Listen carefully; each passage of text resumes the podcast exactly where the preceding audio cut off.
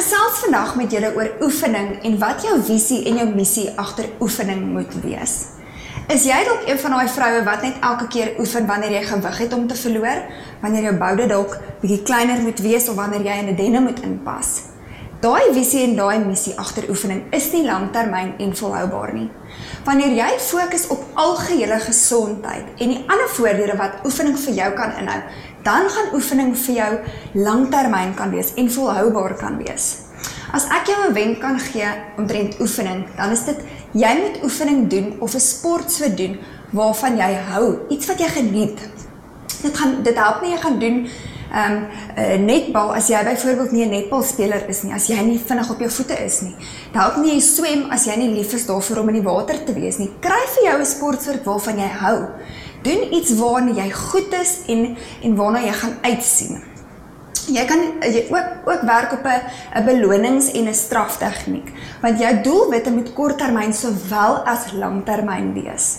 So jy kan nie jouself elke keer straf en baie van ons doen dit want ons straf onsself omdat ons nie oefen nie of ons prioritiseer dit nie en ons kom net nooit by oefening uit nie want dit is net ongelukkig nie vandag ons eerste prioriteit nie. So werk op 'n tegniek waar jy jouself beloon en nie net straf elke keer as jy nie gaan oefen nie, maar beloon jouself wanneer jy wel oefen. Wanneer jy oefen, byvoorbeeld weeklikse doelwitte bereik, kry vir jouself 'n beloning.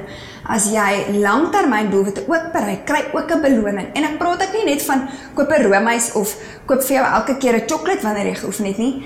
Ek spaar vir jou geldjies elke week wanneer jy jou doelwit bereik. Sit genoeg geldjies weg, koop vir jou 'n nuwe handsak. Iets waarna jy kan uitsien en wat wat jy regtig graag wil hê. Korttermyn lang en langtermyn doelwitte hou jou gefokus en dit dit hou jou visie en jou missie op die regte pad sodat jy nie net fokus op die fisiese veranderinge wat jou lyf jou weet vir jou wys met oefening nie. Maar 'n eh, voordele vir jou gesondheid. Jy weet jou algehele gesondheid.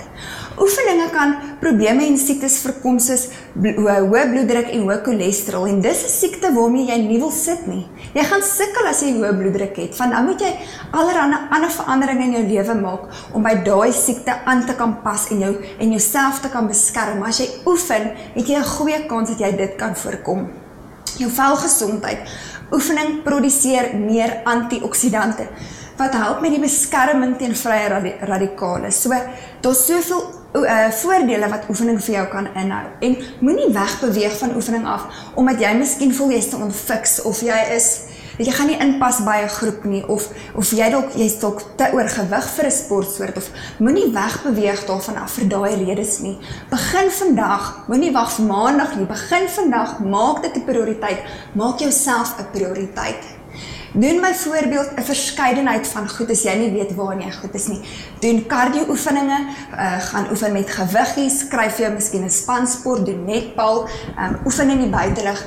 Doen 'n paar goed toets waarvan jy hou en kyk wat werk vir jou, wat pas in jou skedule en jou rotine in.